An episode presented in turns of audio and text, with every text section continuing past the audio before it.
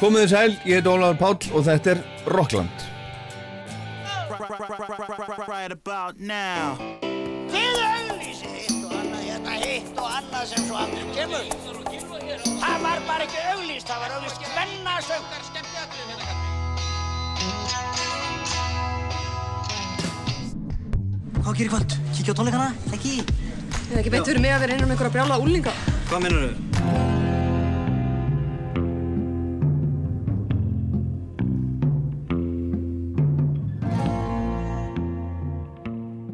Já, og gleðilega páska. Í mass árið 1993 var tekinu upp á balli í Hlegarði í Moselsbæ, fyrst á eina ballplata íslenskrar tónlistasögu, aldrei stór skemmtilega plata sem heitir ekki þessi leiðindi og er með bókumul font og miljónamæringunum. Fyrsta plata Millana og eina plata er að það sem að bókumul font er söngvari. Platan er 26 ára af þessa mundir og af því tilöfni og vegna þess að það er páskadagur fekk ég þá Stengirum Guðmundsson, trommara og söngvaran Bógómil Sigdrygg Baldursson til að heimsækja Rockland og við ætlum í þættinum dag að hlusta saman á alla blötuna ekki þessi leiðindi. Gísilegindi Velkomnir. Þakkaði fyrir Hvað, hvað segið segi þið? Og munið eitthvað eftir þessu? Já, já, ég, ég sagði því miður þá mann ég þetta allt sko. Já, eins og gerst það í gær. en þetta var nú að skemmtilegt og, og kannski gaman að einmitt að rifja upp söguna því hvernig nafnið var til á þessa plötu. Já, þetta er ná- nákvæmlega svolítið sáttu. Við ætlum að rifja upp, upp sögur. Já, það var nefnilega þannig sko, við vorum með alveg afskaplega skemmtilega rótara á þessu Já, sem heitir Steinar. Sem við kollum stundum Ígor. Já, eða Steinunja því að hann var með svo hannlega rödd. Nú er það. Það er eiginlega svona sko. talaði þetta háarett Já, mjög skemmtilegu maður, indislegur og hérna hann talaði alltaf hátt. Og hérna og, og hann var á litlu bitaboksi sem hann kerði, sko, græjutan okkar fram og tilbaka á, sko. Já. yfirleitt vorum við, þetta vorum, vorum aðalega að spila í Reykjavík, sko. Já, Bitabox er það svona Mitsubishi eitthvað. Já, Það er svona lít, lítil skuttla Subaru skuttla. Pínu litli bílar, sko. Hann var bæði rótari og bílstjóri. Já, og, hérna, og sandmaður. Já, já, allt múlitt mann. Og hérna, svo einu sinni, þá, sem oftar að þá erum við að spila sko tvö gig sama kvöldið. Við erum að spila eitthvað gig í Rosenberg kjallaranum sem var undir það sem gamla, nei, nýja bíó var. Já, og það var keirt þetta inn í austustrætið og þar inn svona mjóan gang til að koma að stað kjallaranum. Á hann- á lögataskvöldi lögataskvöldi sko. Já. við erum að spila þetta frá, frá miðnötti til tvö eða eitthvað. Svo þurftum við að stökkva, henda græjunum út í bíl og bruna upp á púlsin og spila síðasta hálftíman þar. Já, frá, já. frá hálf þrjú til þrjú eða eitthvað svo leiðis þetta var eitthvað algjör Við vitlis vorum gestir á Silvutónum já, já, Já, já, já. jú, var það ekki? Eitthvað svoleiðis, við náttúrulega vorum til dælulega óþekkt band þarna en þessi saga hefur enda átt að koma aðeins síðar sko en það er alltaf leið, Má klippa hann inn setna nei, hér er enga klippingar, hér er allt í allt í er verðtíma. þá byrjum við bara að byrja inni. Og hérna á, á nafninu sko á blöðunni og þá, þá hérna er Steinar fastur í, í hérna að því að sko þá er klukkar orðin sko rúmlega tvö þegar þau koma út í östustrætið Já, hann og, og Valdi píanisti sem var með honum í bílnum. Að ná í græjur í Rosenberg Já, og voru, voru að fara með Sem við róðum við brunuðum á öðrum bíl upp í púlsinn sko en þeir voru að sko, fara koma með græðunar og þá komist þeir ekki út úr austustrætinu þegar því það var alveg stapppakkað af krökkum sko. já, já, þá var klukkan orðin, þú veist, orðin rúmlega tvö og allt orðið snældu vittlust í austustræti sko. Og ekki nóg með það heldur liði fóra að hérna var að beigla vinnuþurkurnar á Er það það? fykta í, þegar bitaboxi er að mjakast í gegnum þvöguna þá byrja liðið að pa- fykta sko. og Ígor var hansi reyður þannig hann fór að ösku, eða svona hann, hann kurtismæður og er þannig hann fór svona aðeins að Æsa sig, æsa sig og Krakkar, ekki þessu, hætti þessu, hætti þessu, látið það vera. Ekki þessu leiðindi, hætti þessu. Þannig að hann kallaði þetta svona nett út um gluggan sko. Ekki þessu leiðandi þurrkurnar og farnar og hann bara með svona kurtist ekki þessi leiðindi. Og þetta var svona saga sem var í hljómsveitinni lengi svona á svolítið bakvið steinar. Við vorum alltaf að djóka með ekki þessi leiðindi bakvið steinar svo Já, já. ákvað ég í daginn að segja honum bara beint út að við værum þetta væri svona orðið frasi á bandinu. Ekki þessi leiðindi. Og hérna og hann tók því bara vel og Já. síðan þá var beint við að þetta verið nafni á plötunni Þess vegna heitir platan ekki þessi leiðindi. Já, Það reyndar, var, vorum að spája að kalla hana Costa del Mosso Já, það hefði ekki verið síðra. en það var hérna en svo kom þetta nafn sko að því að þessi frasi var alltaf í gangi og ég man ekki, allir hefði ekki verið steini sem sagði, okkur köllum hann ekki bara ekki þessu leiðindi Já. og það bara, föttum það held ég allir bara á svipstundum, þetta var bara Alveg glimrandi. þetta var glimrandi sko Herðu, eigum við ekki að heyra, heyra fyrsta lagi. Þetta er, þetta er 15 laga plata og ég sé hérna í umslæðinu að hún er til einhver minningu Haugs Mortens já, sem er nú, sem er nú fallegt og hann kemur nú aðeins við sögu þarna. En, en Masbo Tja Tja Tja er fyrsta lagið. Já. Það er eina uh, frumsanda plötunni. já, já, við erum skrifað eða Sigurður er skrifaði fyrir læginu og ég og Sigurður skrifaði fyrir textan Sigurður saxofónleikari. Sigurður Jónsson, saksónleikari En okkur, okkur. Peres. Okkur Peres. hann vill vera mexikanskur hann bjó í Mexiko og var giftur mexikóskri konu Já. og tímabili. Og held ég, ég held að Peris hafi verið nafni hennar. Já, hann hafi verið að grínast með það sko, tók upp nafnið hennar. Já, já. það var eitthvað grín hjá honum. Líka grínu okkur, við ætlum allir að kalla okkur eitthvað að því þú varst bókað með font Nú erum allir með eitthvað nafn. Siggi Peres. Eski Kapassa, SG Kabasa, já, menn voru með alls konar súdana Gulli Líma Gulli Líma, alveg rétt Já, þetta er nú hérna inn í umslæðinu. Er það ekki? Jú, jú, Hva- sé ekki hva- Ga- Gapassa. Já, Já, já, bókumil vond. Sigurður Peres. Og Valdi Líma, er það ekki? Gunnlaugur Gummarsson Líma. Já, Gunnlaugur, já En Valdi, hvað var hann kallaður? Vladimir eitthvað, var það ekki? Vladimir Sjostakovic Jú, var, var hann ekki kallaður Sjóstakovit? Ég held það, segi mér Nú það erum við að revja upp, Óli Já, þetta er, þeir, þeir, þeir eru komnir allt á hátt, þeir, þeir, þetta er allt á mikið flug á okkur. Já. Við skulum bara heyra Masbo og tja tja tja. Já, Beintnir á jörðina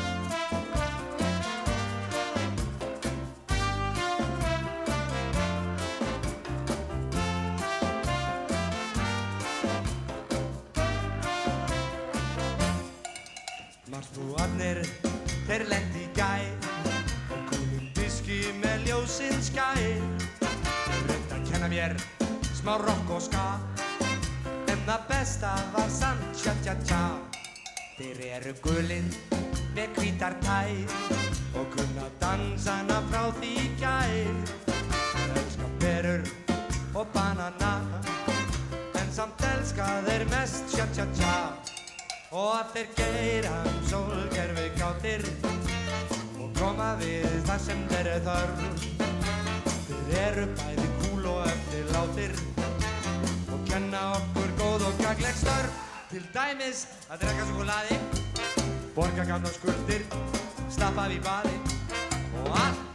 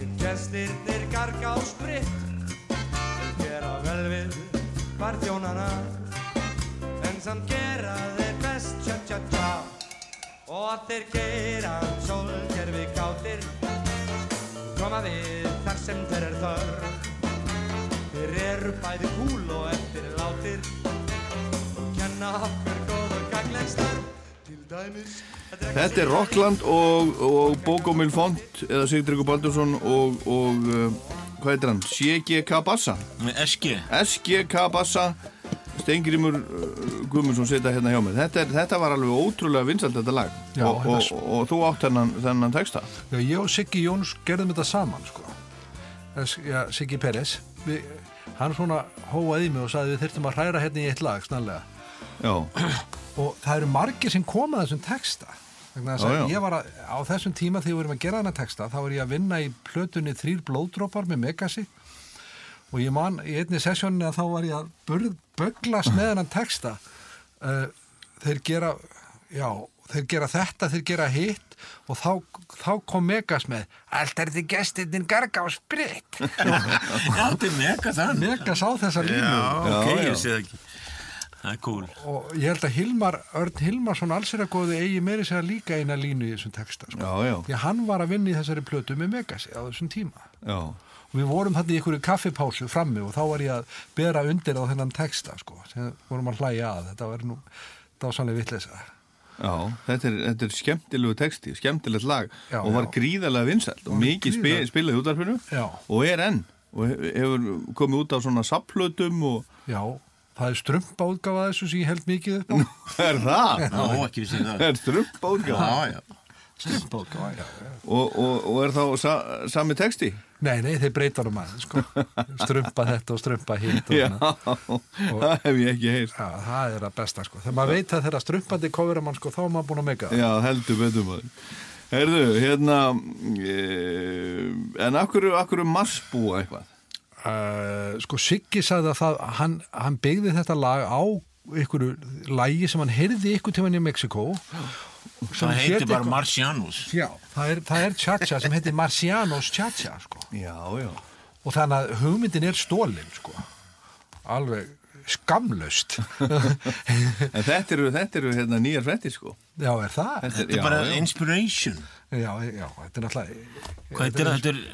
Inspirasjón, jú, jú, menn inspirasjón, hann mundir reyndar ekki sko lagið. Nei, Þannig að við byggum bara til lag sem við kölluðum Arsbúa Tjatja með okkar nefi, sko. þetta er reyndar ansi ég er, að- ég er að sjá hérna bara ansi góða leið til þess að búa til lög að hérna fara í svona eitthvað svona greatest hits hlusta á lag einu sinni og fara svo eitthvað og, og reyna að gleyma læginu en, en búa til svona, ein, svona reyna mun Það er nú ljótt að segja það en ég held að þetta sé sko meira gert en menn vilja viðkynna. Já, Já, við talandu for, eða ekki beint formúla, við gerðum þetta með fullta lögum. Við sem sagt, en gerðum það bara í orginal útgáfunni, settum íslenska texta á nokkur lög. Já, já. Ekki mörg. Við fluttum það síðan bara í já, já Óbúrslega mikið er náttúrulega dægulögum sem hafa voruð vinsæl í útvarpi hafi mitt verið bara sko erlend lög sem hafi verið smelt við íslenskum textum. Jú, jú. Það er ekkert langt síðan það var tekið fyrir þetta hjá stef, sko.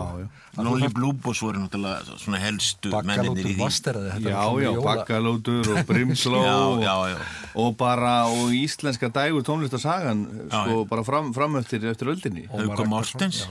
Og Hauku Mortens. og Hauku Mortens er einmitt, það er einmitt, einmitt næsta lag það er hérna það heitir á ennsku Hi Mambo Já. Og á íslensku heitir það Hi Mambo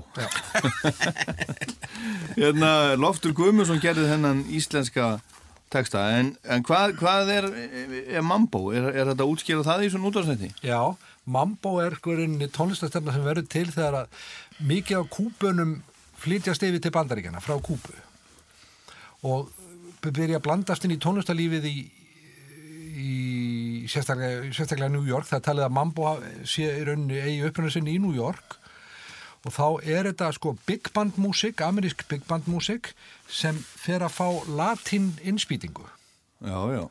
og í rauninni samrunni á kúpanskri latínmúsik Og, og afrískum áhrifum. já, já, sem er náttúrulega upprunnin frá Afríku kúpanska latínmúsikinn hún er upprunnin frá Afríku og Söður-Ameríku svona blanda þessu tönnu og síðan eh, blandast þetta saman við big band músik í, í New York og úrverður hýbrit sem kallaður er mambo. Og eitt, eitt sá helsti maður í þessu var Peres Prado já, sem við spilum lög eftir líka. Já, heyrum Hi Mambo.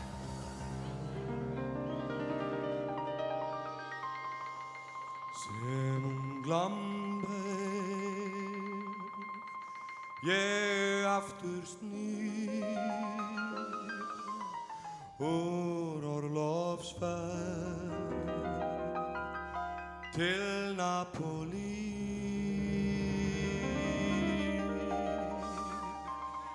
Fríðar er hvergi þar leit hvenna fanns þótt kynni ég hvorki þeirra dans Nje söngin Æ mambo, mambo italiano Æ mambo, mambo italiano Sí, sí, sí. Sí, þú ert sigliendo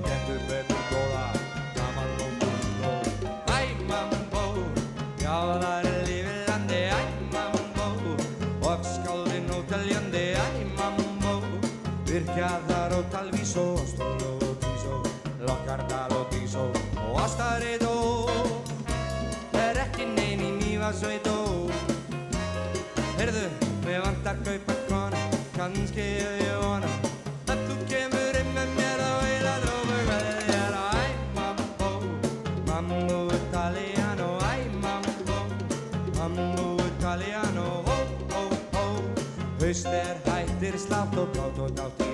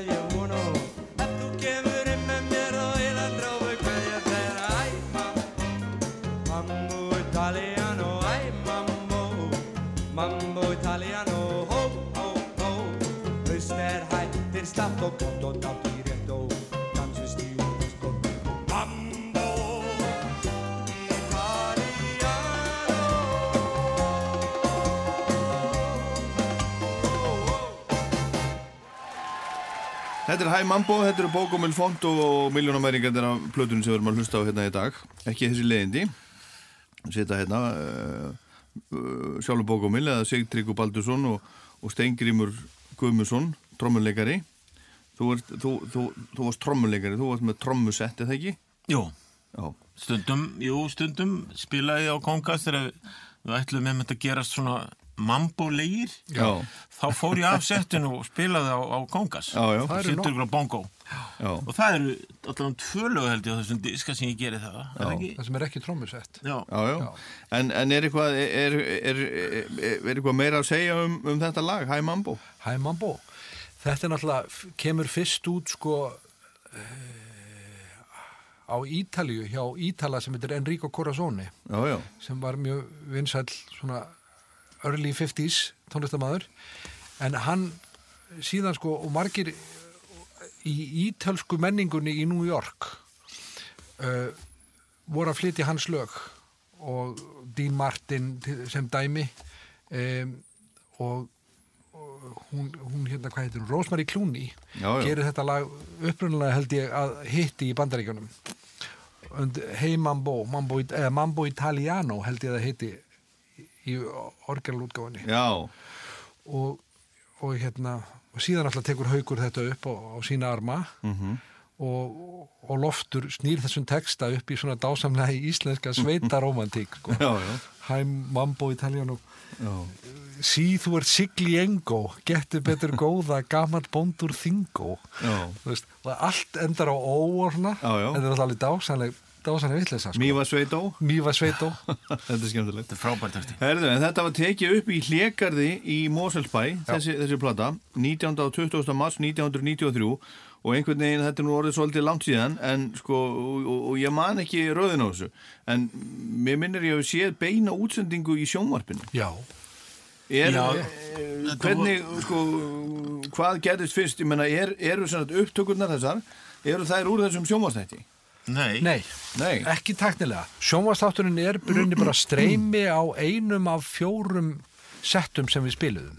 Já, Við já. spiluðum sama settið fjórum sinnum í hleikarði tvö kvöldi röð. Tvö kvöld í röð. Svona átta sinnum. Já, nei, nei, nei, nei. Nei, tvö sett. Já, hvert kvöld já, og sö- sömu laun í báðum settum já, ég skilði Öll lögin á þessari plödu Já, og fleiri til sko, sem Já, já. enduð ekki á plötunni Já, er til, er til áteiks Já, sem mikið svo áteks Já, En þetta kom í, í sjónvarpstætti sem að reyndar missefnaðist samtlega. Já, var það? það var eitthvað svona mikið svona söm, hvað heitir það? Suð. Suð undir. Ég man ekkert eftir því, ég hef bara horfað á þetta og mér var skaman að því Já, Já, ok þannig að við fengum hann endur síndan og, og átt að laga það en svo var bara suðið end. Var það? Já, Við við, verðum að finna þarna þátt já, við verðum að fá að Í, fá hann að þátt endur síndan. Já, það er, í öll, þessu- það er allt kvöldið. Já, já, sæll Já, sem sagt, heilt sett. Sko. Nei, það er Já. heilt sett hann, það er, hann var klukkutími held ég um það bil já, eins og platan Já, en það ekki Hún er, hún er 57 mínútur Já. En sem sagt, uh, sagt Þið voruð að taka upp þessa blödu þegar sjónvastátturinn er síndur Já. beint, þannig að eitthvað úr sjónvastátturinn er hugsanlega á blödunni Já, mjög líklega Algjörlega. En það finna við þetta er að, að þetta átti að vera einföld plata í, sem sagt, í, í framleyslu. Já. Átti bara að taka upp live. Já. En þetta endaði í því að það voru fjórar upptökur í einu af þessu live gigi. Já, Þar á það- meðal var ein hérna sem þótti rosa flott tækna á þeim tíma sem var hérna ADAT-tæki sem Gunnar Smári hljómaði var með sér nýri kjallara.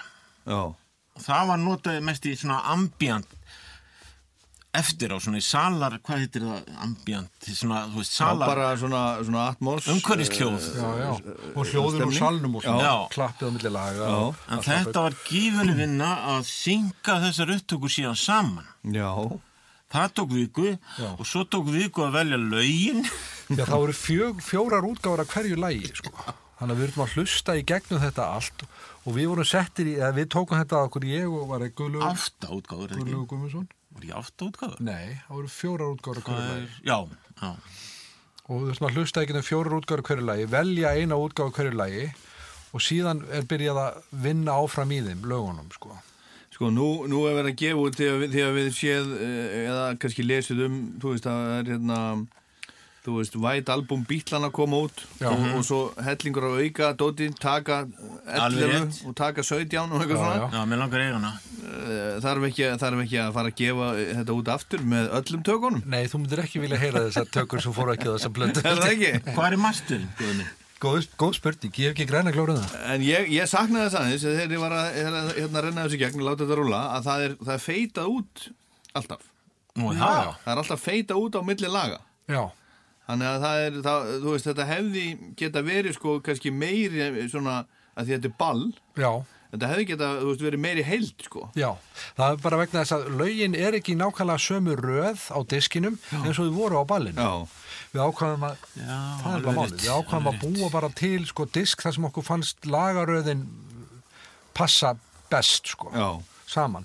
Þannig að hann er svona kliftur saman þessi diskur, hann rönni ekki alveg sem, sem myndi segja sko dokument af dansleik. nei, nei, nei, nei. En hann er tekin upp á dansleik. En það, það sem ég man eftir sko úr sjónvarpinu, einhvern veginn, uh, ég man eftir svona, svona söðræn stemning, mikið af svona stórum plöntum. Já, við vorum með leikmynd, leikmynd. Ég held að Jóka hafi hjálpað okkur með leikmyndina. Jóka rétt. bákum með leikmyndina Jóka, Konna Sjóns Gnar Já, ég, hún fær hérna, hún fær hérna þakkir sko, Já. sérstaklega þakkir fór Jóka, Eddi og Gunni hjá Rúf, er það Gunnar, uh, Gunni Bald, Já, Leik- leikmyndagunni, snillingur. Leikmyndagunni já, hérna, Jóka hjálpaði okkur með leikmyndina og, og þeir líka. Og við fengum lána dót hjá Rúf já, og alls konar drasl og dót sko Pálmatri og Pál, Já, og, og, og Pálma Lampa, mér fallið hann Já. Hann er á coverinu. Nei, Já. það er hérna Nei, það er þú áttir hann. Nei, hann, Óskar Jónasson áttan Já, já. Og hérna, þetta var ananaslampi. Ananaslampinu já, ég sé hann, ég sé hann hérna, Hann ferðast með okkur út um allt Já. er það? Já, Ananas lampi, Hann, Hann hann, hann hrundi í Kastri. sundur um ekki lampin. Við skuldum Óskari ananaslampa. Já, Það er agalegt. já, en menn verður náttúrulega að gera ímislegt til þess að skapa réttu stemninguna. Já, já, það er nefnilega málið. En þessi, já, já. Það, en það var, þetta band gekk út á það, sko, gekk út á stemningu. Það gekk ekki Algjörlega. út á að skapa orginal músík, þetta er búa bara til skemmtilega stemning. Já. Herðu, næst er það, er það Frank Sinatra, Já, hann var náttúrulega tekinn fyrir líka. Fly Me to the Moon. Já, heldur betur. Er eitthvað um það, það lag að segja áður en við heyrum það? Nei, þetta er bara snildar lag og við, við sögðum saman svona latín útgáfi að þessu lagi, sko, sem er inspiruð af nokkrum hlutum, en við runni byggum til okkar eigin útgáfi að þessu lagi. Svona pop 70s latin. Já, pop 70s latin.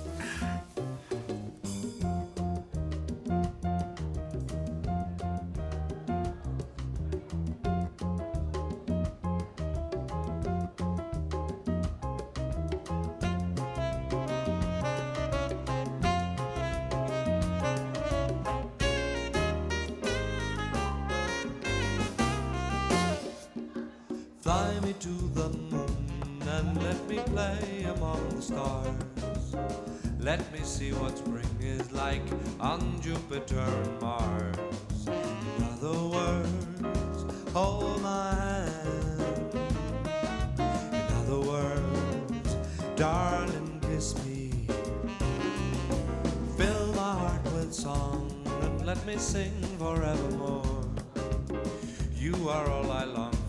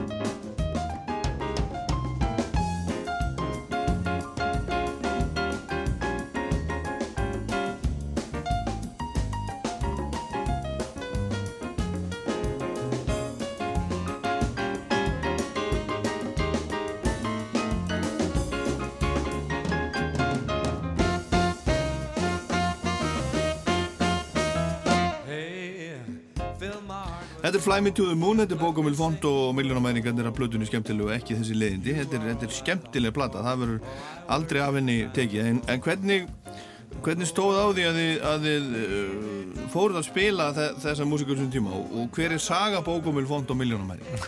Svona í stöðmáli. Já, þú, það er stort að spurt. Ég Sko, það bó- byrja með Conrad B. eða Já, það er ná- nákvæmlega rétt sko.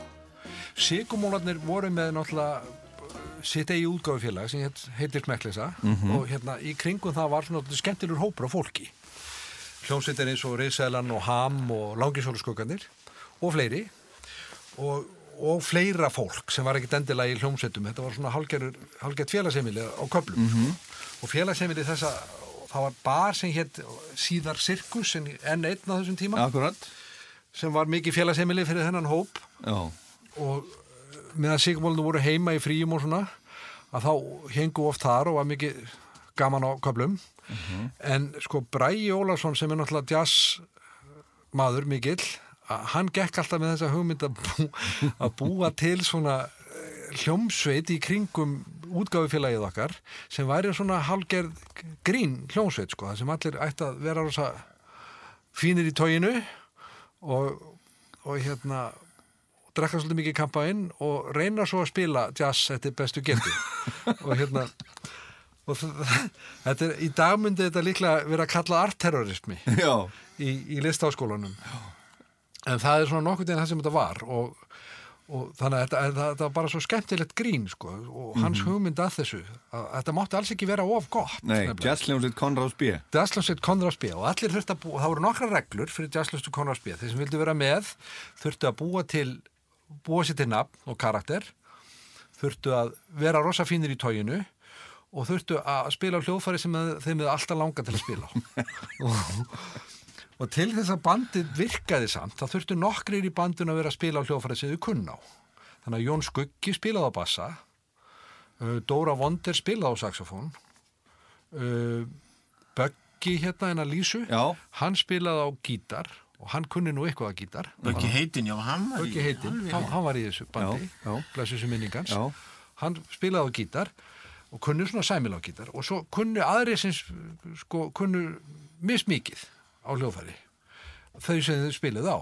Bræi nefnilega Þetta er sljóðstinni stofnu en þess að Bræga langaði til að, að búa til karakter sem hétti Conrad B sem átti að spila á trommur í jazzljónsett Já, í rosalega fínum jakkafötum.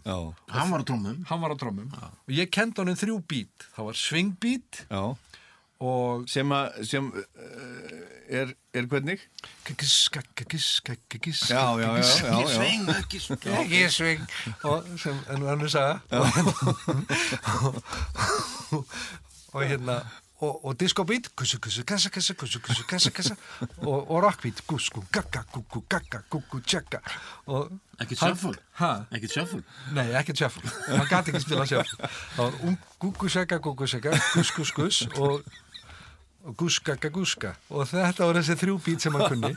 Og svo var lagt að stað með hljósetina sko. þetta var ógeðslega skemmtilegt sko. náttúrulega því að svo náttúrulega var þetta gekk út og bara ákveðið svona mjög sérstatt grín. Já, og svo náttúrulega byrjaði að æfa og, svona, og Haugur Mortens nefnilega kom og söng með þessari frægu hljónsveit Jazzljónsveit Conors B.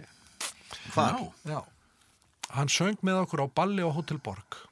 Já, já. Tók þar tvö lög held ég að kaupa konana skísla í gröf ef ég mann rétt og hérna í faðmi dalsins held ég bara. Já. Já.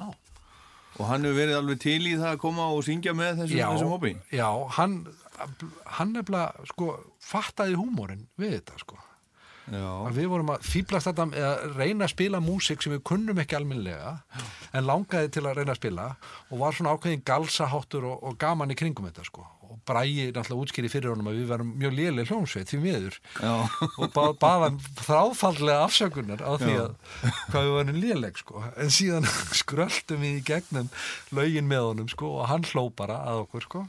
Og þetta var ógeðslega skemmtilegt já. og hérna, svo fallega áru sko. Ég hef myndi heyrt að hann hafi ekki sko verið mikið fyrir það að taka lífinu létt sko. Eða, eða svona, um, kemur svolítið óvart að séu heyrt um hann að hann hafi verið til í þetta. Já, Hann var mjög alveg ekki með maður. Já, Já, en þarna var hann bara, ég veit ekki hvað, en það hefði ykkur sem sagt tala við hann, útskipt fyrir honum að að þetta væru galgópar sem væru, væru með ákveði grín hann í gangi og, og Já, hann vildi bara fá tækifæri koma fram, hugsa ég. já, allir það ekki bara, ég veit það ekki. og þetta hefur verið bara þarna 92, hann, hann, hann dó 92 eða 3 eða ekki Þetta er 92 held ég, en þetta er 91 sko. Já, já, já, já. Just, en sko, ég held að þetta hafi verið bókstala sumarið 91, já. Nei, nei, nei, nei, þetta var sumarið 90, enda Sumarið 90, 90. já, haustið 90. Já. Þá, haustið 90, þá er það sem þetta konar að spila, Hotel Borg og þá kemur hann fram með okkur, kallinn. Það er synd frá því að segja að Haugur sjálfu var bara eitthvað að koma fram einhverju svona dinner hérna láns jobbi á nöstunu Já, svona í bakgrunni já, sko, eiga allir sinn tíma Já, einmitt. Sigumólarnir nefnilega fóru upp í skíðaskálan í hverjadölum með bladamenn til að sjá þannan mestara sko. Þá var hann bara með, með hérna, Kalla Möller á píanó og var að syngja sko, í, í skíðaskálanum og við vorum stundum ég fórum tvisar hérna með bladamenn sko, þetta að sjá mestaran og þá var annarskipti vorum við einu áhundundir Já, það? Já, Já, hann var í nöstinu og skíðaskálinu þetta var svolítið svona sorglegu tími hjá hann kallinn Ég spilaði hans með hann í nöstinu nefnilega. Já, já, já. Já, já.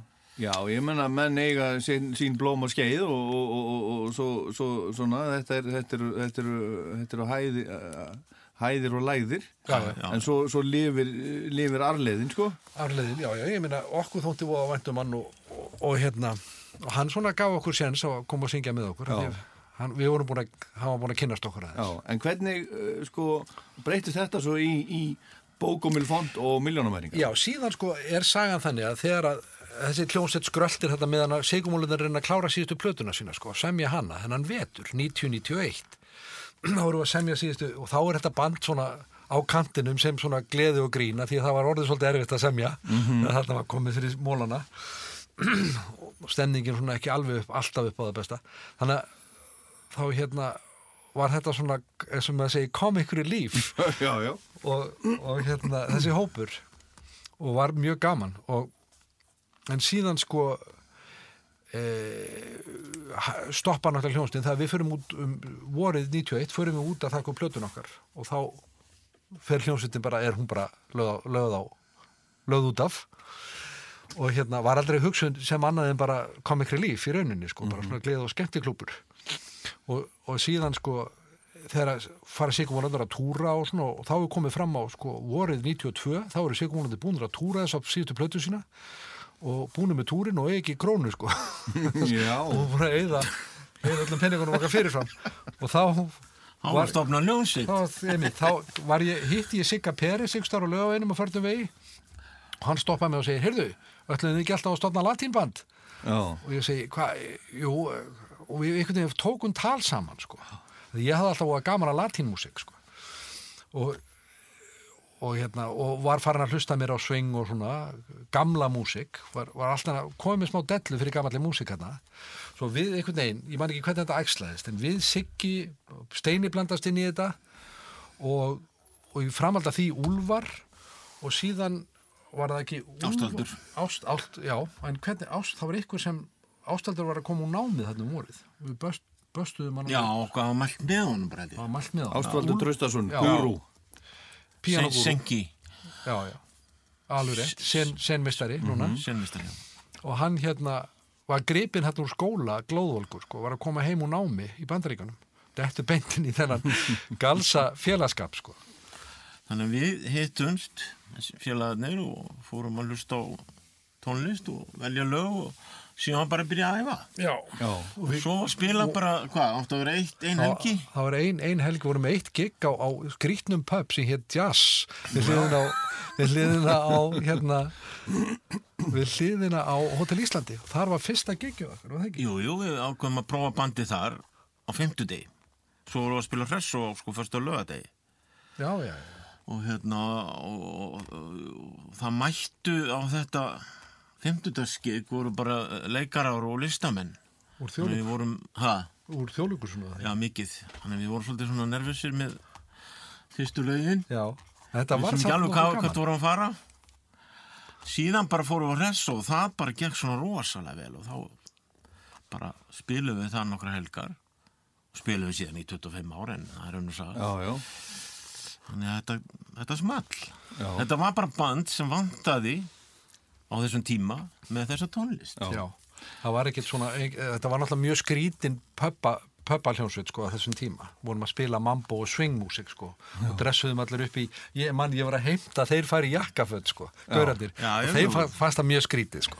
En svo útskýrði fyrir þeim, við verum að búa til svona koncept í kringum þetta og við erum með pálmatrí og Það var síðan alltaf. þetta átti að vera smá leikhúsgrín sko. Já, já. Að fyrir mér það var þetta svona framlegging á Konrad B. pakkanum sko, á sömuleiti. Herðu, og talandi um Haug Mortens, eh, hérna, með. Já.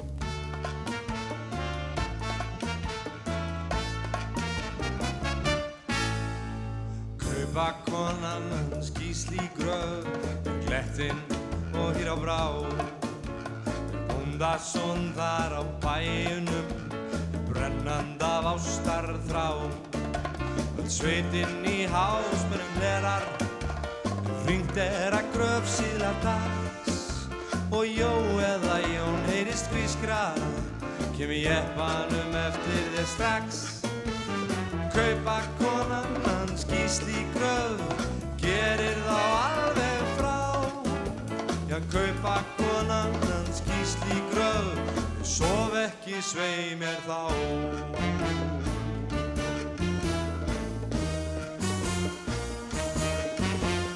Kaupa konan hans gísli gröð Er glettinn og hér á brá.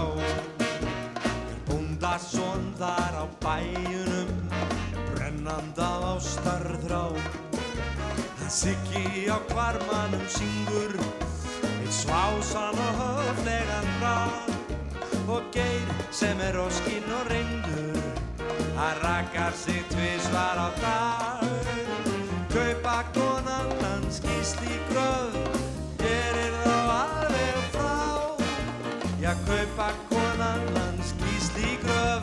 sof ekki svei mér þá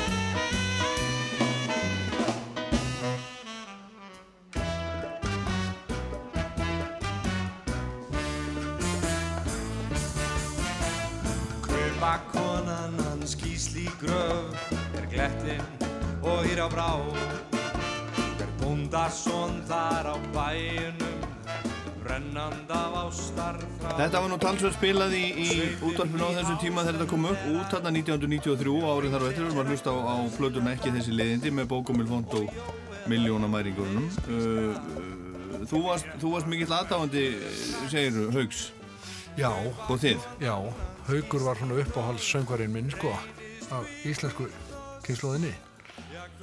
Ég var mikið heima hjá Hauki í æsku því að Já. faðir minn og hann voru miklu vinnir og þeir voru einu sem drukku ekki áfengi í bransan Haukur og, og Guðmundur. Þannig að ég kynntist þau ekki vel og hans fjölskyldu. Mun áveð þannig að hann, hann, já, hann er ekki kentir að drekka? Nei það, ég sá alveg um það sjálfur. Já, herðu, en, en pappiðinn, uh, Papa Jazz, hann, hann er nú með hérna á þessari blödu, það ekki? Jú, Já, má taka fram að í þessu sem vorum að hlusta á Kaupakonuna, Já. þar er Guðmundur á bongo Já, sem sérstakur gestur. Alveg rétt. Mástu hvað hvað hefur köllum, hann köllum hann eitthvað.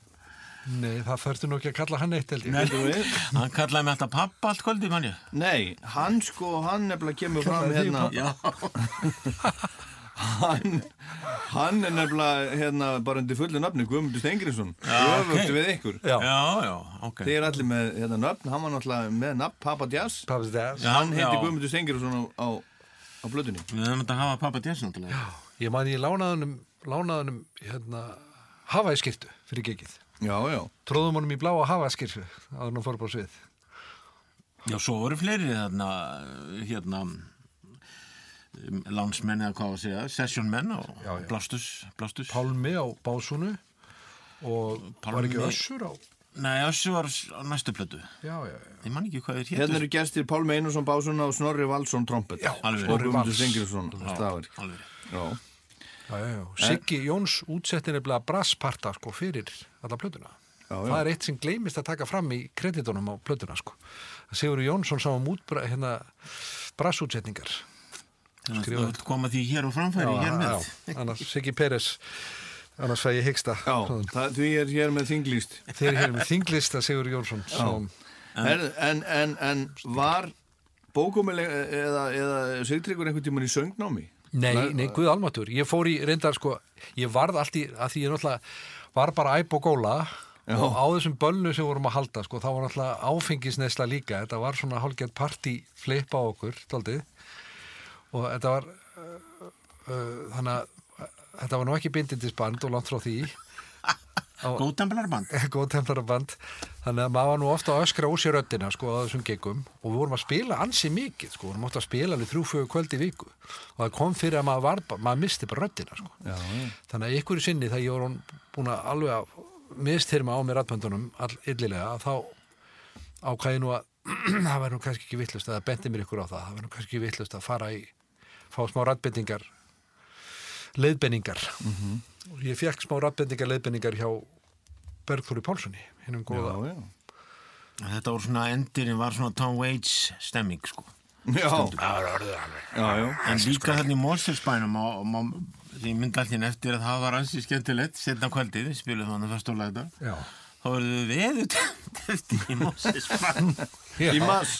Já, nei, þetta er, þetta er hvernig er sólstöð, þetta átti að vera sólstöðar hvað heit þetta, sól Sólstöður. sólstöð, já er það ekki Það er, í, það er í júni. En þetta, það stendur hérna í umslæðinu, ekki lífur umslæðinu, þetta er í mars, sko. 19. og 20. mars, sem þetta tekið upp. Já. Já, ok, Já, já. Erum, Það kemur það var svo mikið snjór og rók að við erum veðutettur, við erum að býða í lekarði Já, já. í marga klukkutíma til að komast í Það var Reykjavík stórhríð. á stórhríð sko. Rútunar þorði ekki að fara, sko. Það komast ekki. Reykjavíkur. Al, almennlegt. en þá var gleði og glömur náttúrulega í- Já, já, ég efast ekki um það. Og það hefur nú ábyggilega átt verið gleði og glaumur í, í hérna, Konstantinóbel á, á sínum tíma, en, en næsta lag er einmitt Istanbul Konstantinóbel frá 1953, kom út þegar það voru liðin 500 ár frá því að Ottomanveldi tók yfir Konstantinóbel. Þetta segir internetið. Og, og fekk svo nafnið Istanbul árið 1930 þetta voru þið búin að kynna ykkur það ekki vel þegar þið tókuð upp þetta lag Istanbul Konstantinóbel Jú, Jú, jú. jú, jú. Það eru, það eru sagfræði tímar, sko, fyrir hvert, hverja upptöku. já, Já, þetta er nú aðalega því að held ég að Haugur tóku þetta lag eða ekki, sem að við kynntumst í Jú, að það ekki. ég held að Við vorum náttúrulega bara hermetir hauki, sko. Það er náttúrulega málið. ekki herma við vorum- að þetta er inspiration Já. Já, ég veit að þetta er við, þetta er bara hljómaði svo skaldlega að segja þetta. Hermetir hauki.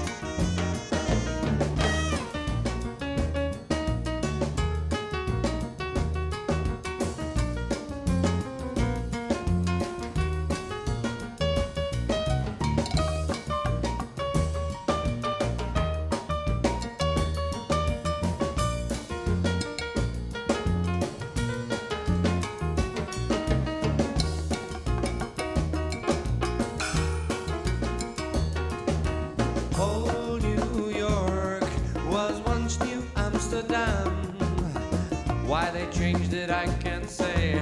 People just like it better that way. Take me back to Constantinople. No, you can't go back to Constantinople. Now it's Istanbul, not Constantinople. Constantinople got the words. That is nobody's business but the Turks. Hey, hey, hey, hey.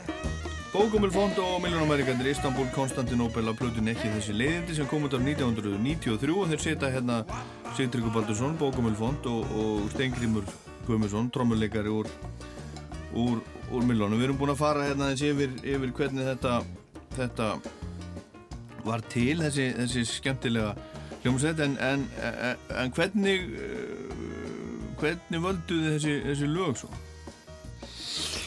Já, þetta var nú svona reytingur, menn komi bara oft með lög á æfingu sem þeir langaði að taka sko, þá reyndu að taka þau og útsetja þau einhvern veginn þannig að þau meikuðu sens fyrir okkur. Já, það var í byrjun alveg, þá var ákveð að menn kemur með nokkur uppáhaldslög sem við vildu og við fórum víða við, vorum með Harry Belafonte til dæmis og náttúrulega Og Frank Sinatra og Haug mikið. Já, já, maður lá svolítið yfir, þarna var maður sko, á þessi tímpli var maður svolítið að uppgöta þessa gömlu músik, eins og ég sagði á hann. Og, og Þetta er ekki gömulmúsík, þetta er síkildmúsík. já, það síkildi músik, eða fyrir mig, ég náttúrulega kem út úr þessum punkskóla sko á Íslandi. Punkari, já, ok. og fyrir mig að fara að hlusta á þess að þetta var svona músik fóreldra minna og svona sem var svolítið langsótt fyrir mig að fara að pæla í. En svo þegar maður fór að hlusta á þetta og uppgöta þetta á sinni, á sinni megin forsendum að þá var þetta svolítið gaman sko. Og sérstaklega því maður var að fykta við að syngja og svona og vera að hlusta á sinna aðtráðu þetta lið þetta var rosa gaman sko. Á Þú ert að hlusta á Rockland á Rástvö. Nefnilega, ég heit Ólafur Páll og gestir Rocklands í dag eru þeir Steingrímur Guðmundsson, trómuleikari, miljónamæringana og herra Bókomil Font. Við erum að hlusta á plötuna ekki þessi leiðindi sem kom út ára 1993. Svo vorum við með hérna, við vorum alltaf bara með eitt Elvis Presley lag. Og það var ansið mikið stemming í því lagi vegna þess að ég fekk, ég veit ekki okkur að ég gætt alltaf leiðið að því, en þá setti sittur ykkur á sig svona hérna plast hérna. Svamp, hárkollu svamp hárkollu svarta með börtum. Og, og tók hérna treat me like a fool. Ég misti það alltaf ég, ég ló alltaf. Já, love me. Já, treat me like a fool. Og það var eina prestlæð sem við tókum. Það er var það. Áttu ennþá, ennþá svampinn? Nei, svampurinn týndist hún var stólið ykkur staðar. Nei, hann, var brotnaði partusfyrir líka með, með hérna, ananaslampanum.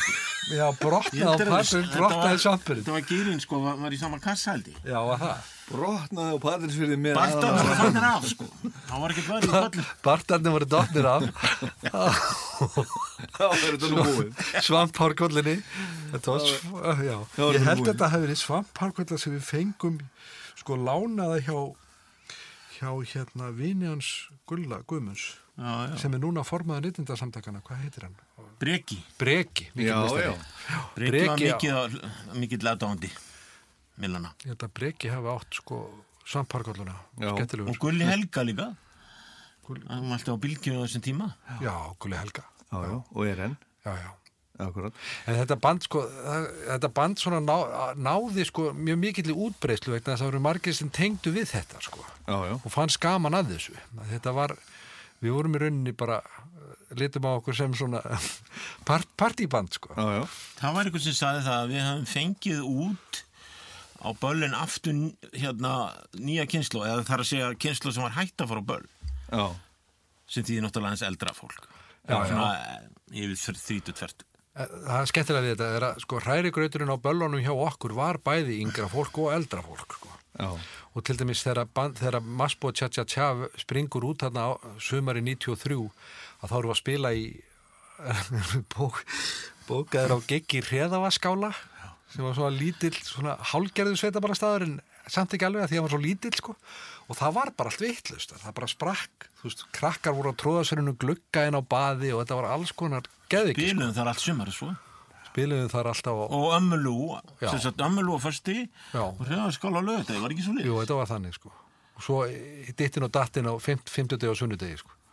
Við vorum yfirlega spilandi fjögur kvöld í viku þessa, Já. þetta sumar sko. það voru skólaböll líka sko. en skólaböllin var, var svolítið sérstætt að því að krakkarnir þekktu margspóna svo kom allt í einhvað Frank Sinatra sving og þá var ekki alveg var ekki alveg að fatta hvað var að gera. En jú, það, sko þetta var líka vinsalt á skólaböllum að því að þá tókuðu þetta bara sem dress-up, þá var bara fóruðu í dressuðu þessu upp sko. Algjörlega. og tókuðu þetta sem, sem svona já, dress-up sko. það þekktu bara ekki allauðin nei, það þekktu allauðin herðu Rokkalips og í réttónum það er næst á dagskrá. Það er kostulegur, það er það ekki eftir nei, nei, það er ekki eftir nei, ég meina textin sko. Jón Sigursson ah, það er Jón, Jón Sigursson er það Jón í bankanum? Nei, það er ekki Jón Bassi sko. Nei. það er Jón Sigursson bankamæður já, já, sem samt í fullta textum. Þetta er bara gammalt já, Kalipsson lag ég. en sjáðu til sko bæði þetta og kaupa konar skýsli kvöf og hæmambó, þetta er allt svona sveitatekstar sko, uh -huh. sem vísa í íslenska sveita sumarsveit sko. Hérna, Rockbugsur Já, á rockbugsunum sko. Og það Marta Röðrivísi áður fyrir sveitum þá dönsuðum en rock nei, ræl í réttunum og fór á höstum sínum út um allt í leitum upp um allt í leitum neittar Dönsuðsvoræl, nú aga þeir á jeppum út um alla götur og aldrei þeir beisla klárin sinn þó allt sem orði breytti og svona yfirleittir dansa rokkið í réttunum. Þetta tókuði líka bara því að haugur spilaði það. Já. Þetta voru svona hauglög sko. Haugslög. Allir saman nú la la la la la la la la la la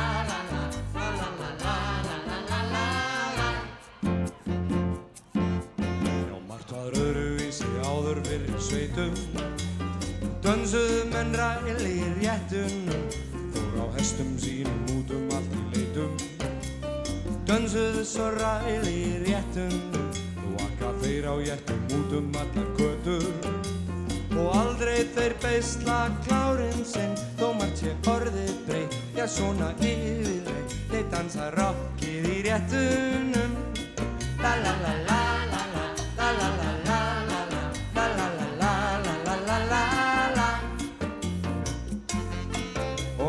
sæturnar feimnar og hýrreiðar Það sátt í söðlunum og sveiftum pilsunum. Nú ekki rappbuksum á rúsa jeppunum. Með eld í augunum og dansa rokkalips og réttunum Hey, la la la la.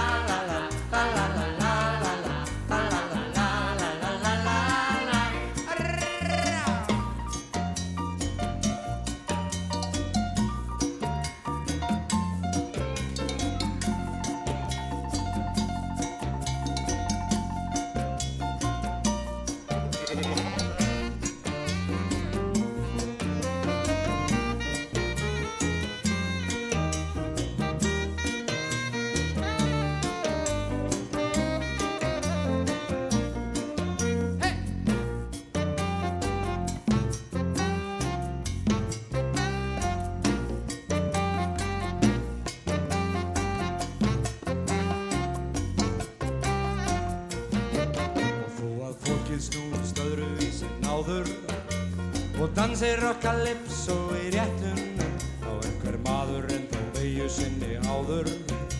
Þó dansir og í réttunum Þau verða ennþá hvort í öðru og skup skotin. Svo elskast þau eins og gerðist fyrr Þó margt sé orðið breytt. Já svona yfirleitt Þau dansa rockið í réttunum.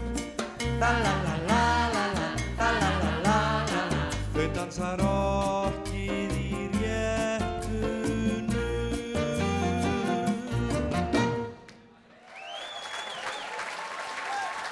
Rock Calypso í réttunum, Bókumulfond og Miljónamæringarnir enn eitt lagið af plötunni skemmtilegu sem heitir ekki þessi leiðindi og kom út ára 1990 og, og, og þrjú. Og þarna uh, síkomálanir eru þarna þeir eru, eru búnir þarna. Þeir eru, þeir eru bara sprungi tætlur í tómum, tómum leiðindum. Nei, nei, nei, nei. ég, ég myndi ekki segja það, alls ekki. En, en uh, Björk var komin hérna á kafi í sinn sólórferil 92 sumari, þá voru hann að vinna að debutplötunni í London. Já. og síðan hins vegar um haustið þá gerum við eitt loka túr Sigumorðinur, þá förum við og, og, á túr með U2 í bandaríkunum og upp úr því það var svona öllum ljóst að það var bara svona 92. kveðjutúr. ha, 92 Já, Já, oktober 92 já, það var, var súrópatúrin eða ekki? Mm, Já, hann var kallaður Actung Baby. Actum Baby, já, já, Nei, túrin var kallaður Sú TV já Sú TV, já, já, og þá, var, þá voru þær að spila þessar tvær plötur, já, Súrópa og, og já, Actung Baby. Ég ætla að vera aðalega Actung Baby en, en þetta voru samt samna lögum sko. það voru meirinn einn plata. En þetta var gífulega gaman. Og þarna voru sigumúlarnir uppbytun á samt Public Enemy ef ég mann rétt. Þannig voru millarnir í pásu. Þarna fóru millarnir í pásu. Já. meðan ég fór á túr til Já. bandarækjana Það er, það er hérna, misjöfn eru, eru mannana verkefni hoppa úr reðavaskála eða, eða hressó upp á svið hérna, sú TV sviði með U2 Já, Já. það, þetta var skemmtileg reynsla og hérna en ég ætlaði mér nú aldrei að vera balkongur á Íslandi sko Nei. þannig að ég fluttist síðan hérna var ekki nema rúmt ár með millónum rauninni frá april 92 til ágúst 1,5 ár til ágúst 93 þá fluttist ég til bandaríkana Já, já. Þú varstu svona stutt í bandinu. Stuttur Já, tími ég var svona stutt í bandaríkana ég var bara ár og fjóra mánuði Já, já. Þá allavega, já. En, en söng Bókomil Font einhvern tíman fyrir U2? Já, við tókum King of the Swingers ég og Eds einu sinni aftast í flugvél sem var mjög við King borðum- of the Swingers, hvað, hvaða lag er það? I'm the king of the swingers, Lord Jungle, Jungle VIP. Book. Já, Jungle já, Book já, sem, sem, er, sem, er, sem er á plötunni Já, Já, já, ok Settu það á diskin. ha? Settu það á diskin. Já, já, það Ég held að enginn fengi leiði fyrir því að fá Disney. var það. Bú. Það er allavega hérna, það er á eftir hérna I Wanna Be Like You Já, já, Já, já, ok, það var að banna þetta. Það var annar lag sem við fengum ekki leiði fyrir. það, er bara, það er bara næsta lag Að því við breytum ekki textanum í því, þá alveg spila það. já, alveg rétt. Já, alveg rétt. Það er næsta lag Já, Það er bara Mowgli og, og, og, og allir þeir já, Þetta var eitt skemmtilegasta lag að spila live. þetta var geggjalag. Og þetta var tekið aftast í, í, í hérna engavillinni hjá YouTube. Þeir buðu okkur einu sinni í flugtúr frá El Paso til Los Angeles. Og þá vorum við náttúrulega mætt fyrst í vélina, sko, sigumólarnir, því við vorum fyrst á svið, Já. fyrst búin. Vorum komin út á völl, sko, og komin um borð í vélina, þar allir aðri komu, sko. Og búinir með tekila flöskuna. Já, já Þetta var orðið ansi skrautlegt þegar að auðvitað YouTube og Public Enemy skrölt um borð. Ekki, meinum það síður. Meina það síðan, já En þið tókuð þetta, við skulum heyra þetta I Wanna Be Like You Fáum kannski smá bassa Gunnlaugur líma á bassa að geða honum gott klapp Svo ef við verum voðalega stilt og þæg þá fáum við kannski smá trommusett svona undir.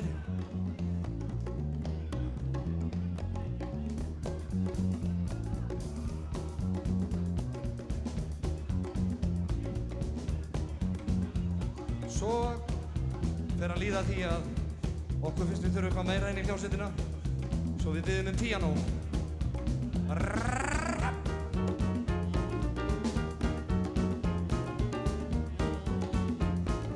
Spilar Siggi Perri kannski smá intro fyrir okkur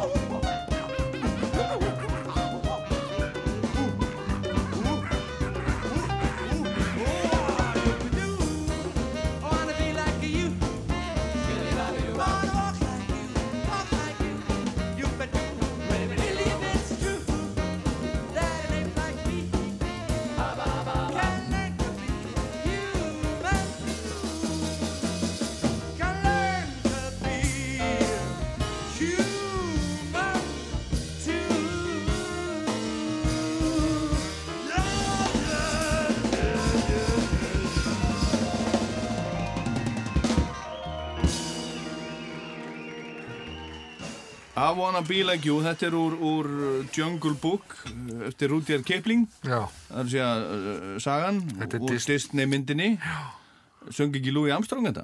nei, Louis Prima. Louis Prima söng þetta Já. þetta. Já, já, já. alveg eftirminnilega, æðislega útgáfa þessu lagi. Herðu, svo er næsta lag, förum bara beint í næsta lag. Það er, hérna, það er instrumental, þarna ger ég ráð fyrir að í prógraminu hafi, hafi stjarnan bókumil þurft að fara að fá sér súrefni.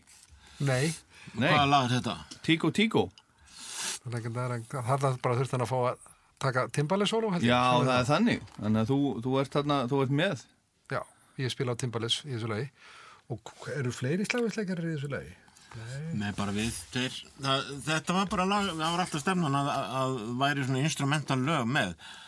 Og við gerðum það eins og til mis Peris Prato-lagi, hérna Pink, Cherry Pink Cherry Pink. Já, já, þú vorum alltaf með instrumentalög líka sko. Alltaf svona, það var, þau voru mjög fín lög að dansa við. Og fín í soundchecki líka. Já, við skulum dansa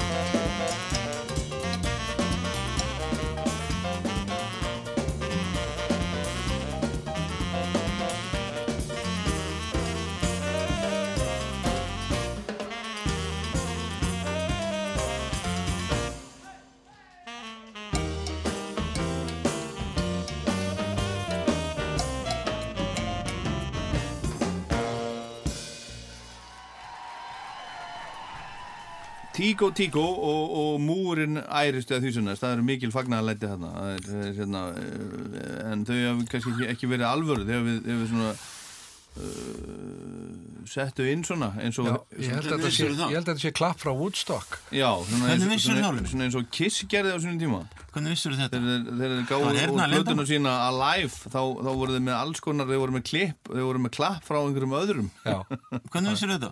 ég, ég bara, mig, mig, mig bara grunnaði það næmur.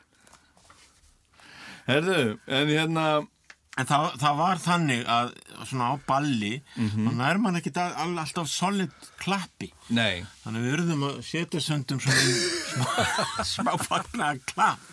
Svona, já, já bara fyrir, fyrir, fyrir plötu hlustendur. Pældum í alls konar klöppum. Alls konar klöpum en hvernig, hvernig dætt ykkur samt í huga að gera þetta svona, að halda, halda ball og taka það upp og setja á plötu og vera í beinni í sjónvarpinu? Að því við vorum, lítum á okkur sem bara partyband sko. Og ef við ætlum að ná stemningu þessa bands þá er best að gera það bara á balli. Til að ná þessari partystemningu sem við værum að reyna að búa til. Mm -hmm. það var nú eiginlega hugmyndin sko. Ég vildi til dæmis alls ekki fara í stúdíu og gera stúdíuplötu ég held að ég hefði náða að frekja þessu í gegn já Ég held að hann hafi allir verið hrifnir af þeirri hugmynd. Já, já, þetta var bara koncept, þetta var svona, var trútt, vera trúir konseptinu, sko. Já. Það var svolítið þannig. En var þetta uh, stressandi eitthvað? Já, þetta var náttúrulega rosa vinna, sko, í rauninni. Að því við þurftum að vera að halda ball í rauninni fyrir fólk, en líka vera að hafa hugan við að ná upptökum af, af því í leiðinni, sko. Og þú veist, við vorum að fá gesti eins og Papa Jazz og við vorum með brassgesti og vorum við með fleiri voru, voru, nei, ég held nú ekki. Nei, En, það var Nei, ekki nei. tímið það, það var, nei, það var ekki fleiri gestir. Nei, en þetta var svona, já og þannig að við vorum svona að reyna að halda mörgum borgum boltum á lofti, sko Já, já, já, já. Hérna, er ekki rétt muna hjá mér, sko, þetta var mikið spilað í útvarpi, lög af þe þessari plötu, nokkur lög, en, en, en er ekki rétt muna hjá mér að þetta hafi líka selst vel? Jó, hún seldist, hún fór yfir 10.000. Og hér er ég með kassettu. Já, þetta að- var að finna, eh, ég var að finna þessar kassettur, og ég ég er bara ekki hérna, ég var aldrei séð þetta áður, datt út kassa hjá mér. Já. Ég held að móðu mín hafi átt þetta. já, já, átti hún, átti hún snældutæki. Já, á sínu tíma. Já, og hefur hlustað á þetta. Þetta var í öllum bílum Já, Já, menn keftu kassetu fyrir bílinn, sko já, ég held að Andrea Jóns sé enda með kassetutæki í bílum sínum. Já, eina vitið Eina vitið. En svo vorum að tala um áðan, þá var, var, þetta sko, spilum við förstu dag og lögata þessa helgi sem að platan var tekinu. Mm -hmm. Þannig að við vorum svona í, þetta var í svona í lok þess, að það voru böll á förstu um lögatagum. Böll fóru síðan bara alfarið yfir á lögataga og ég rætti þetta með Óla Löfdal og hann sagði, að einhverju svo til sko að hérna, þegar kringlan kom, þá þýtti ekki að hafa böll á förstu nú, Þannig að hann vildi meina að kringlan hafi tekið föstarsmannin af því að fólk vildi vera fest í kringlan á lögatum. já, þú meinar. Þetta er Þetta er merkilegt, þetta er, það, það þarf einhver, einhver, hérna, einhver þjóðfræðingur að gera, gera rítgerð um þetta. Félagsfræðileg Þetta stúdíu er, það þarf þetta sagði Löfdal vinn minn. Ha, Þetta er efni í nokkrar mastersreitgerðir þetta er ekki vitlega Kringlan tók föstudagsbólinn Já, Kringlan tók föstudagsbólinn. Þetta, er nú- þetta er nú bara lag sem að ég, mér finnst að Já. Bókumil fond leiðinni hérna. Mæringarnir Kringlan tók föstudags e- e- Kringlan e- átt föstudagsbólinn Og svo sagði hann mér í details sko verð á stólum í salnum. Svona áður ég fekk gert upp. Já, hvað þetta væri nú dýrt allt saman. Já, Á Broadway, gamla. svo, uh, Við spilum gífulega mikið á Broadway. Endalus. já, eftir ég hætti já, já. Og hótið sögur náttúrulega líka. Það, það er Já. ekkit bönn En, en var ekki, en, en var það ekki sko, uh, sko eftir að platan kom út og lögin fór í útarpið, menna þá var svona smá sprenging, þá, þá hlýtur að hafa vorið brjá, brjálað að gera hjá okkur. Alveg þetta var bara tóm villisa sko og ég með þess að þurfti að fresta förminni til bandaríkjana Já, Já, út af lokaballinu sem var tvísvar. það var tvö lokaböl gerð Já. eitt í ömulú Og þá, þá var bara byðruð út af leikúsi. Já, En síðan fannst mannum, já, veist, það var svona rosa gott á þessu lokaballi. Gerum við eitt annað. já, Og Þá kom við- Siggi Peres með þessu hugmynd. að gera lokaböl í kring nei, Í Perlunni. Perlunni Það veri pluss það það, hann sagði, þetta er dauðasta helgi ársins eftir Vestamanhelgi. Já, Að hérna, við fyllum. Því að það var ekkert í gangi á Íslandi þá á þessari helgi. Núna er allt vaðandi í allskynslutum. já, já, Og við fengum, vorum við 1500 manna ball á, í, á, á, í Perlunni. já, Þetta er þá hvað, 93 vandalega. Er það ekki? jú Já. vá. Herðu, talandum Sigur, Sigur Peres, hann syngur næsta lag. Guawango, er það það? Já. já, já, já. Þetta er, er lög frá? Sigurði sem að sem að hann kynntist í Mexíkó Já. Já, Þessi tvö lög, mexíkanskur, Guawanco og Mambo la Libertad Já, eitt, hér tökum við eitt lag einu. Eitt lag einu. Milindo Guaguanco. Guawan, Guawanco Guaguanco, hvað, hvað þýðir það? Ég hef ekki glórið það Þið hefði ekki hugmynd, listamenninni sjálfur. Libertad, frelsi Já, Mambo la Libertad Já, það er á eftir. Það er á eftir í einu, En- sorry. eitt lag í einu. Mi Ok, Lindo ég- Guawanco Heyrum það. Já, hann var, má, þarna er laga sem er ekki sett þarna fer ég á konga svo við séum svona mambo band Við erum marg málir í kvöld, við syngjum á ennsku, spænsku, íslensku og hrogna ítölsku. En þetta er á spænsku, sungið af málasérfræðingi vorum og saxofónleikara Sigga Peres, gefið honum gott klapp.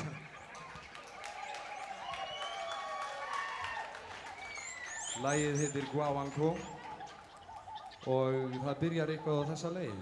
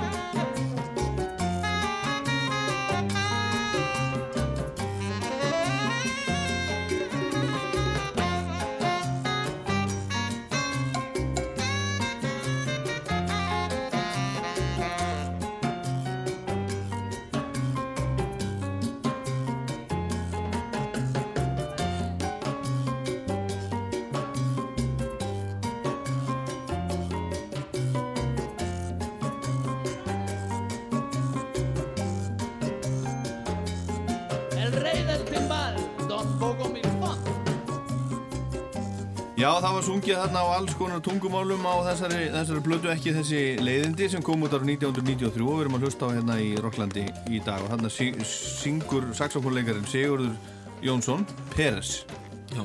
og við veitum ekkert hvað þetta þýðir við veitum ekkert um hvað hann er að syngja þarna Nei, við erum svo lélir í spænsku. Já Herðu, en hérna Gunnar Smári hann, hann, hann tók þetta allt saman upp það, það, Nei, ekki allt. hérna. Nei, Nei, Tómas Tómasson tók við upptökunum frá Já. Gunnari Smára. Gunnar Smári sá um ballupptökunar upp í hlekarði. Þar satt hann í kjallarinu með sín tvö dættæki og rúlaði þessum óskupum þar inn.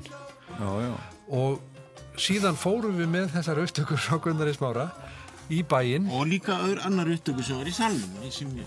Já, það var önnur upptaka í salnum, já, ok.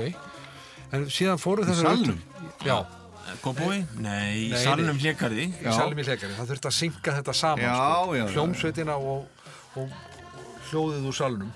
Já, síðan er þetta, er þetta allt tekið og, og syngað saman eða sem sagt sett saman þannig að það sé á sama tíma já, þetta er merkilegt Tómas Tómasson tók við verkinu og Tómas Tómasson heitinn blessu sem minning hans hann tók þetta og gerði þetta rauninni að því sem þetta varð sko. þetta var náttúrulega óbúslega hráar upptökur hann úr klekarði og hann fekk okkur til þess að laga þetta til og kallaði okkur til að koma og let mig syngja aftur tvö lög og Gerðum meira slagverk og ná. gerðum aðeins meira slagverk. Þjættum þetta og lögum þetta til og hann tók síðan og miksaði þetta þannig að þetta hljómaði, þú veist jafnvel og það gerir, með, þetta hljómaði merkilega vel að mörgu leiti mm -hmm. með við það að þetta sé bara 16 ára ballupptaka á, plat, að, já, á, á balli sko. Balli. Herðu, heyrum hérna Mambo a Libertad. Það er frelsis Mamboin. Já. Og Sigur, syngur þetta líka? Já. Já. Nei, ég held að ég hef syngið þetta. ég syngi þetta, Mambola Libertad. Alveg rétt. Og lærði ég textan bara eins og páagökur. Kísilegði. Mm. Þessi leiðindi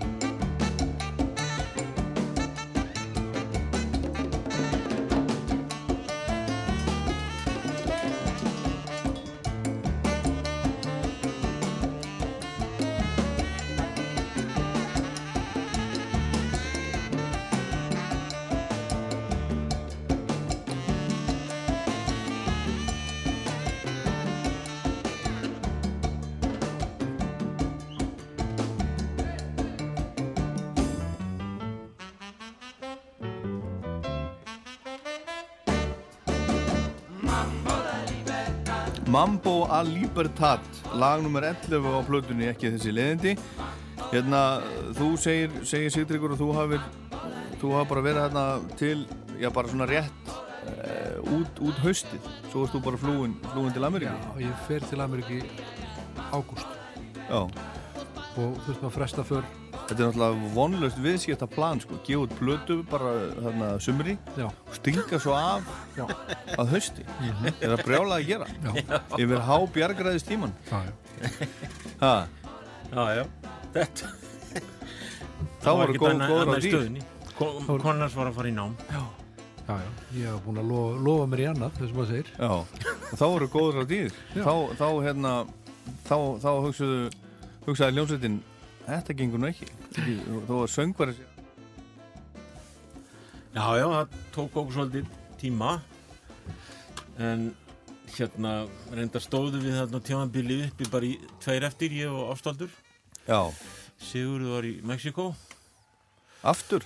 Já, já, reyfi upp minningar með Við hættum lefnilega tveir, ég og Gulli Guðmunds, bassalegari, já, hættum báðir á sama tíma. rétt. Gulli nefnilega þurfti að fara í nám til Hollands. Já. og ég, Nei, nei, já, Gulli fór í námi það var var nú hljóðmaður hér um tíma. Það alveg rétt. Já, það hefur verið setna. já, ég man ekki hvenær það var. En, en þarna en, en svo hafa sem sagt, síðan sungið með ykkur eða sungið með sem sagt, miljónamæringunum Páll Óskar, Raggi Bjarna Bjarni Arason, Steppi Hilmas Nín, núnó, og nú nú sem að, já kannski tölum um, það er kannski sér þáttur í það. Núno, en allan í sambandi Pál. hver er það? það var söngari frá Portugal sem var með okkur í mánuð. Það, það gekk ekki alveg. Ok, já, og Felix Bergson. já, já, Felix Bergson listi af uh, ég man ekki hvort að hvernig hann það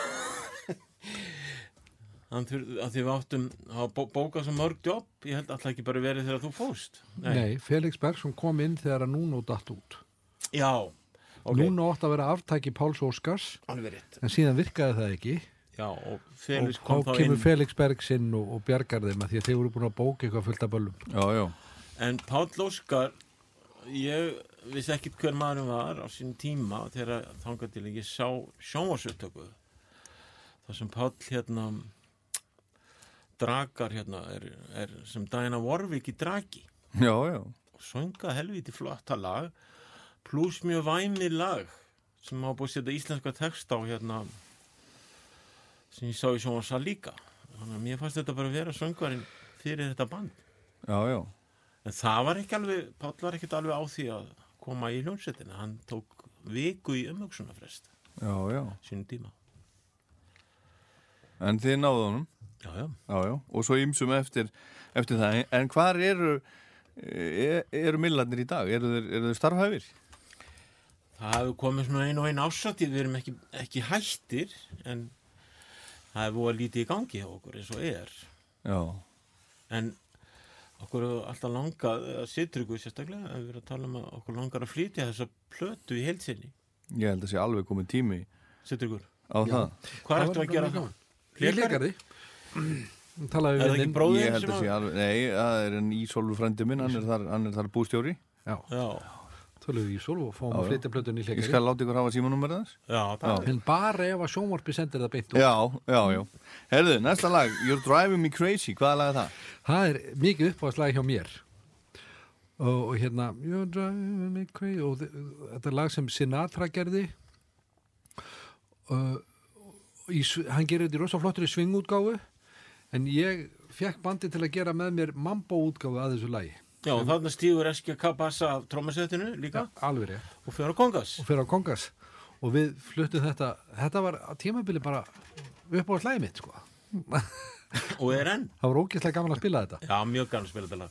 Og við gerðum, gerðum að mínu mati mjög skemmtilega útsetningu að þessu sem er mambo útsetning fyrir lítið kombo. Að því að í rauninni mambo útsetningar eins og við þekkjum þær best eru fyrir stærri orkestrur sko en, með, með stærri brassveit og svona en þetta f- finnst mér hafa hefnast ágætlega hjá okkur.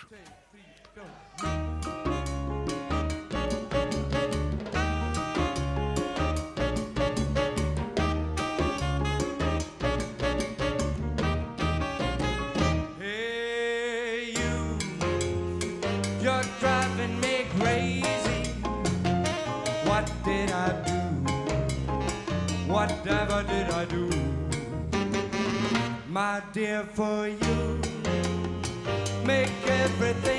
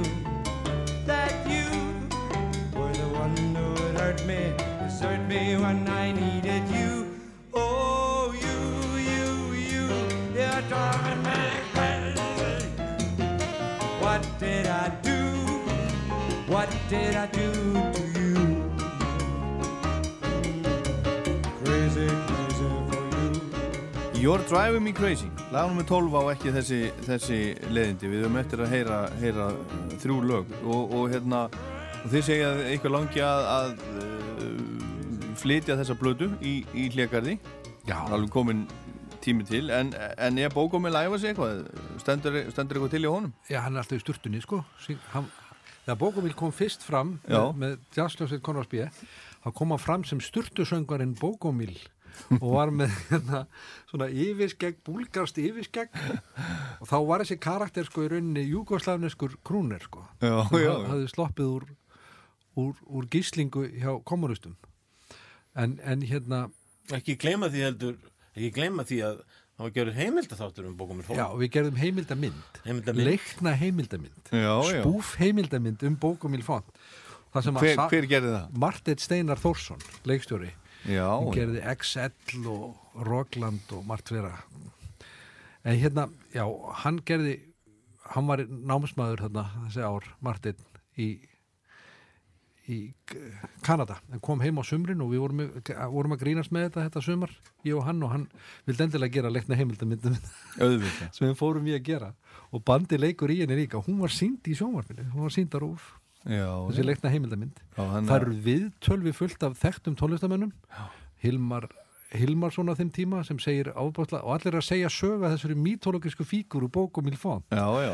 Björk talar um að hún hafi hitt hann einhvern veginn í flugvél og, og Hilmar Örn segir sög á honum að hann hafi, að, hann hafi lesið í heimildum að Bókumil hafi verið á Titanic þegar hann fórst og, og hafi sérst sko verið að spila með hljómsettinni þegar að skipi fór niður. Já, já. og hérna Og svo spila, já, við spilum á milli. Og Það var bara að tekja á balli í, í, á púlsunum púlsinum. Já. Sem Jóhann G. heitir. Ég man ekki, man ekki eftir þessari mynd ég, er, er, ekki, þetta er perla, hana. hún alveg- hún lítur að vera til hérna í Safni Rúf Já, svo kemur samkynniður sonur Bókumils nefnilega við sögu í myndinni Nú, nú. og er að segja sögur, hann er að eldast við föðu sín hérna í Reykjavík sko. að því að myndin er rauninni gerð af, af eistneskum sjónvarsmanni sem kemur til landsins á tógara og er, og er að reyna að leita upp í þennan mítológiska karakter Bókumil Font. Bókumil Font. Og hann er leikinn af Þór Túlinius. Alveg rétt, já, já, já. Þetta er þetta stórkostlega mynd. Þú voru að finna þetta Óli. Vá. Herðu, við skulum heyra Brasil.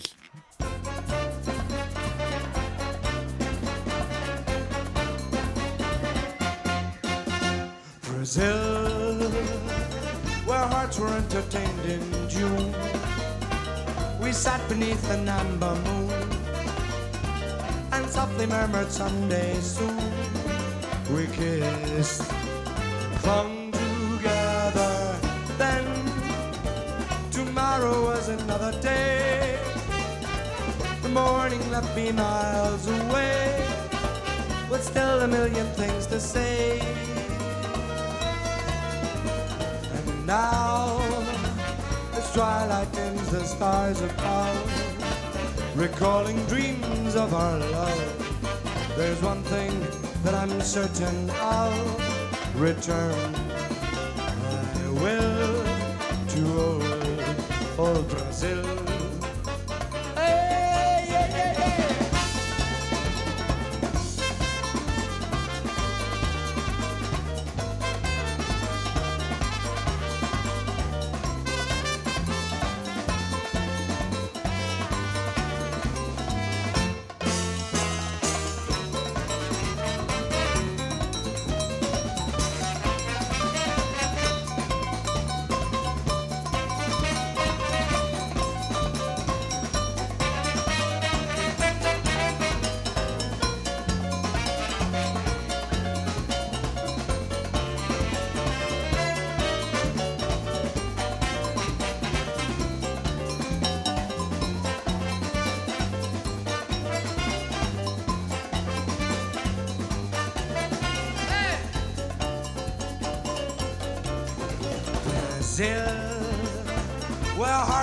Entertained in June.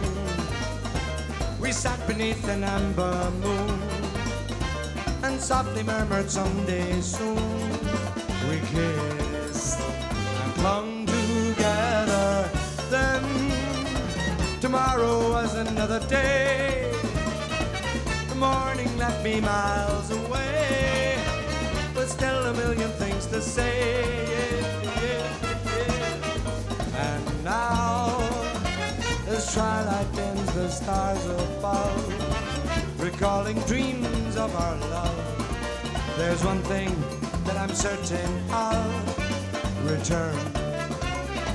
Will to old, old Brazil, that old, old Brazil. Þetta eru Bókumil og, og, og Millarnir og, og, Brasil Þetta er, er, er þetta lag eitt Já, þetta er lag eitt, sko, þetta er fyrsta lagi sem Millanir æfa Já. Því mann þegar við vorum að mæl og vorum að byrja að æfa sko Millana þá mætti ég á æfingu með þetta lag og sagði sko mér er sama hvað ég gerir pillar en mér verð, þetta er eina lagi sem ég gerir kröfu um að við tökum Já, já, af hverju var það?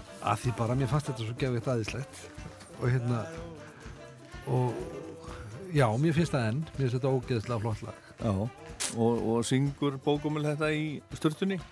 ekki lengur, en hann gerði það Ekki Pink Lloyd, syngur hann ekki eitthvað? Pink Lloyd Jú, Pink Lloyd Ú, nú við. erum við komnir inn við skulum ekki opna þá Pink Lloyd. Steingrímur. Nei, ok. Það er annar karakter sem ég hef stundum eh, gert sem heitir Pink Lloyd og hann er mjög sérstakur Eða Óli Ósynlegi líka. Já, Það var annar karakter. það var annar karakter Eh, Tríó Ólafs ósynlega, sko, það var, kvartett af því Ólafur var alltaf ósynlegur sko. Já, Þetta spiluðu svona þegar við vorum í reyðilegu sér á balli, á ballum. Já, það komið mikill losaragangur sko í hljónsveitina Já. það var búið að drekka aðeins og mikið eða eitthvað og hljónsveitina var mjög léleg. Að það var talið í Tríó Ólafs ósynlega og, þá var spilaði frítjas í smá tíma. Algjör steipa og dansararnir stóðu og gl- gloftu á okkur bara í smá tíma. Já. og svo var talið í næsta lag þetta var svona, svona, svona refresh. Já, refresh, það var losa, losa um það, Og spennandi var, og, og var drukkið eitthvað af tequila? Já, nefnilega og það versta var sko að, að fólk að fara að bera í okkur bú sko, til þess að byggja um óskalu og svona.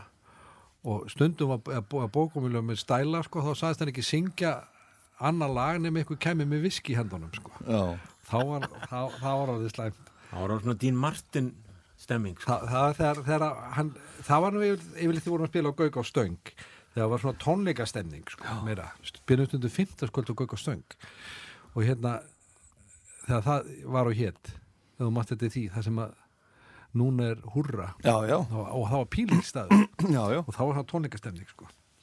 Já, hann var ekki lítill. Þá var það svolítið stórt, svolítið stór salur. Aha. Já, gamli gökurinn.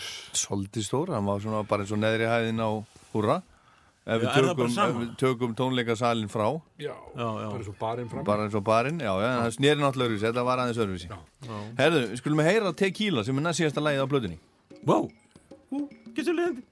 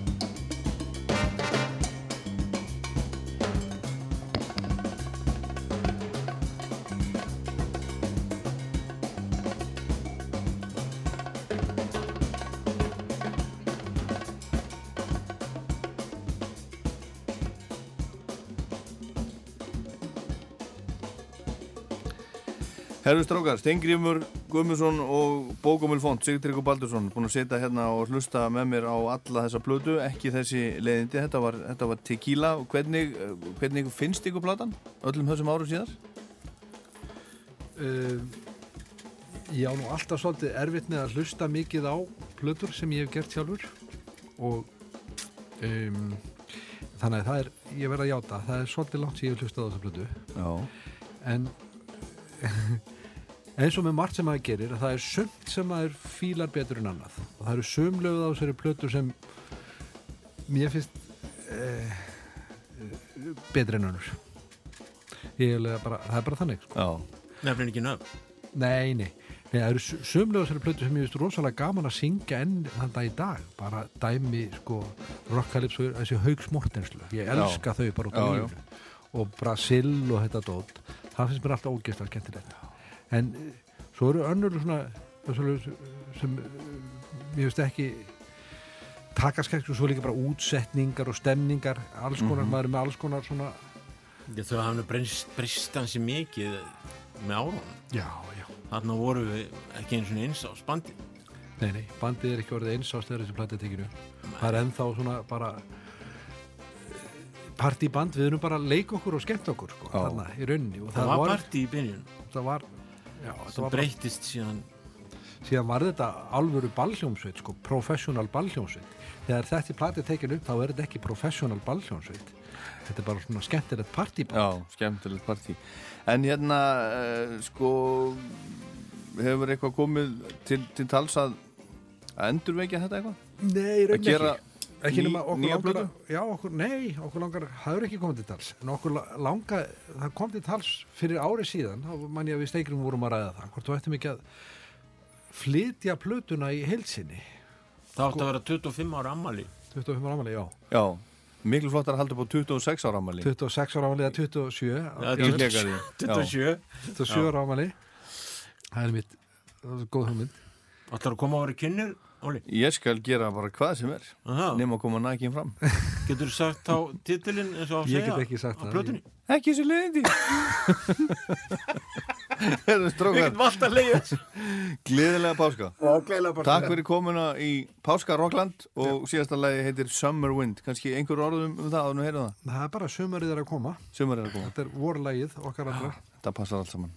Takk kjærlega fyrir komuna og, og, og, og takk fyrir þessa blötu Takk fyrir takk fyrir. Takk fyrir okkur Summervinda æðislega Já, eindislegt Eindislegt ballaða. Og svona enda Rockland í dag. Ég minni á Rockland á Rú.is og í uh, Rúf spilaranum og svo Rockland mælir með lagalistanum á Spotify. Ég heit Ólar Páll, takk fyrir að hlusta. Summer wind came rolling in from across the sea. It lingered there to touch your hair walk with me. All summer long we sang a song, then we strolled that golden sand. Two sweethearts and the summer wind.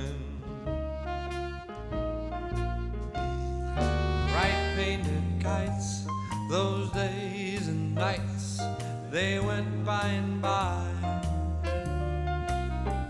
The world was new beneath the blue umbrella sky.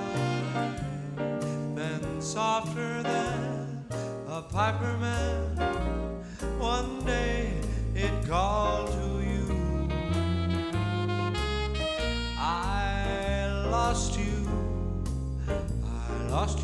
summer wind. Autumn wind and the winter wind, they have come and gone. But still the days,